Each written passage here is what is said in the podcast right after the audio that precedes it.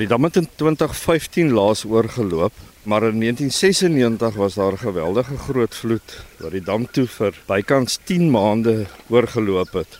Nes hy opgehou het met oorloop dan het daar weer 'n donderstorm of iets plaasgevind in die opvangsgebiede en dan het hy weer begin oorloop daarna. Leon Grinling, bestuurder waterbeheer is nou hier by ons. Hy's van die Gamtoos Water en hy gaan ons nou wys van 'n plek waarvan min mense weet hier by die dam as jy mens nou by Kougadam is vanaf die piknikarea is dit so 250 meter in die rigting van die damwal. Aan jou regterkant is die skaalmodel wat min of meer 'n 1 tot 50 skaal waarby gebou is. Hulle het uh, werklik die rotsformasies van die omgewing alles nageboots. En die skaalmodel se doel is sodat hulle tydens die bou van die dam kon hulle fisies die vloei van water simuleer oor hierdie skaalmodel om te kyk of die skaalmodel gaan hou. Dis hoe hulle nou kon vasstel dat die konstruksie van die groot dam eintlik die die watermassa kan hanteer as daar 'n vloed sou kom. Ons is nou hier by die skaalmodel. Soos julle kan sien, lyk hy presies net soos ons Kouga dam. Dit is die eerste dubbelgekromde boogdam in ons land wat gebou is, natuurlik die eerste van vele meer. Dis eintlik half nogal ek weet nie intimiderend om te weet hier is verskriklik baie water. Hoeveel water hou die Kougadam? Ons staan nou agter 126 miljoen kubieke meter water. Dit klink na baie water, maar as ons nou vat, die Gariep is natuurlik seker maklik 30 of 34 keer groter as wat Kougadam is. Maar Leon, jy's een van die mense, Leon Grindling, ehm um, bestuurder waterbeheer by die Gamtoos Water.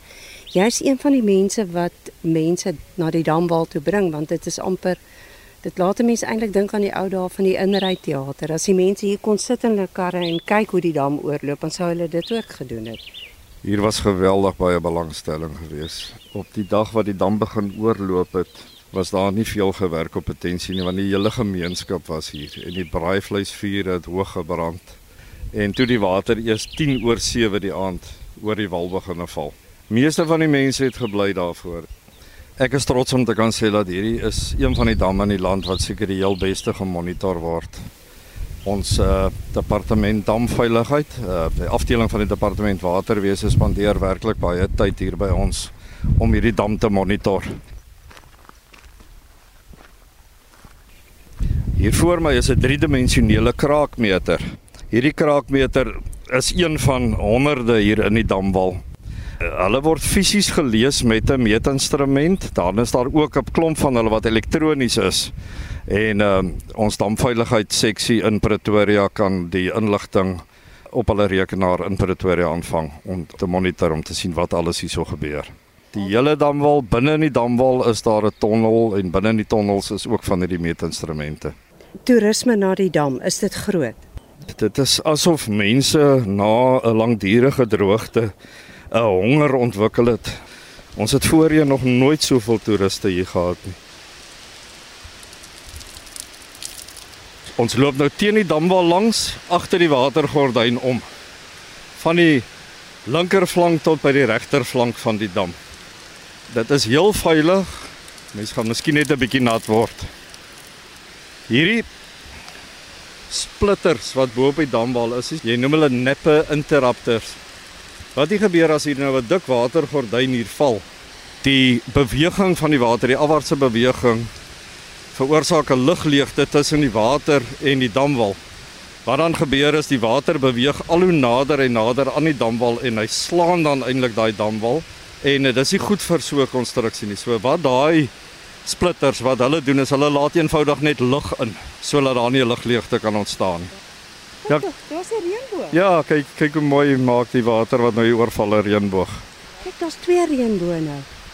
Ek moet eerlik vir jou sê, ek voel nou soos 'n kind wat vir die eerste keer in 'n lekker goed winkel losgelaat is want mens weet nie waar om te kyk en wat te vat nie. Ek is nou al 20 jaar hier en dit is vir my elke keer 'n belewenis. Hierdie gedeelte waar die water oorloop staan bekend as die oorloopkruin en dan heel bo by die parkeerareas en so en dit staan nou bekend as jou nie oorloop kry. Die hoogte van die wal daar is 94 meter. Ons gaan nou in die damwal in. Hierdie is eintlik net 'n tonnel vir dreinering.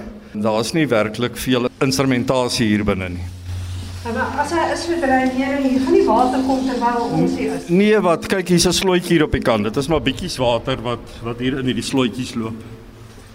Sjoe, maar dis 'n lang tonnel. Hierdie is op die regterflank van die dam. Nou gaan ons weer uit en nou gaan ons regtig deur die damwal stap. Dis korrek, ja. Ons gaan nou in die hooftonnel in wat eh, reg onder die kruin van die damwal deurloop. Dit is nagenoeg 500 meter. Hierdie hele tonnel is vol instrumentasie en daar is natuurlik ook uh, dreineringsgate. Sal jy sien 'n bietjie nattigheid? Dit is maar 'n konstruksielas hierdie. Dit lyk amper soos binne in die Kongo grotte hierdie Ja. ja. kal kalsiet wat hier gevorm het.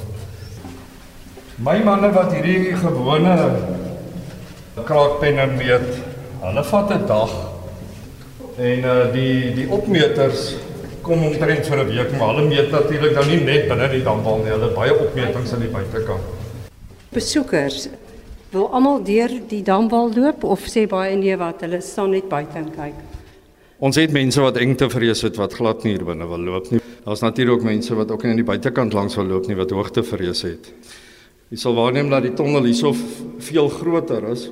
Dis omdat ons nou uit die damwal self uitbeweeg het. Ons het nou in die regterflank van die berg het ons nou inbeweeg.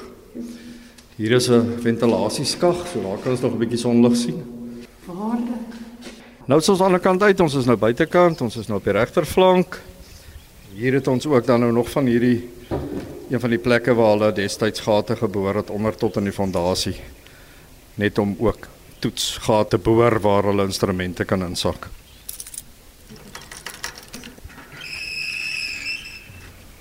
Ek gaan nou vir julle die turbinekamer wys aan die onderkant. Dit is nou waar hulle vroeër jare krag opgewek het. Ons is nou in die turbinekamer. So vroeër jare was hier hidroelektrisiteit opgewek. Ja, hier is drie turbines hierso, maar daar's altyd maar net twee op 'n slag gebruik. Want as 'n mens 3 sou wou benut op 'n slag, sou dit beteken dat ons van die water in die rivier moes stort en dan sou die dam se vlak baie vinniger gedaal het. Dit is natuurlik maar vandag nog 'n groot oorweging om eerder die water in die dam te probeer behou. Water is natuurlik baie belangrik vir die landbou in hierdie vallei en dan ook vir Port Elizabeth natuurlik gaan baie van hierdie water gaan ook vir vir drinkwater en vir industrie. Nou het julle alles gesien en ons is nou klaar met ons damtoer. Mense is natuurlik meer as welkom om die dam self te besoek. Dit is maar net as uh, hulle deur die damwal self wil stap wat hulle dit nie op hulle eie kan doen nie, dan moet hulle saam met 'n damgids deurkom.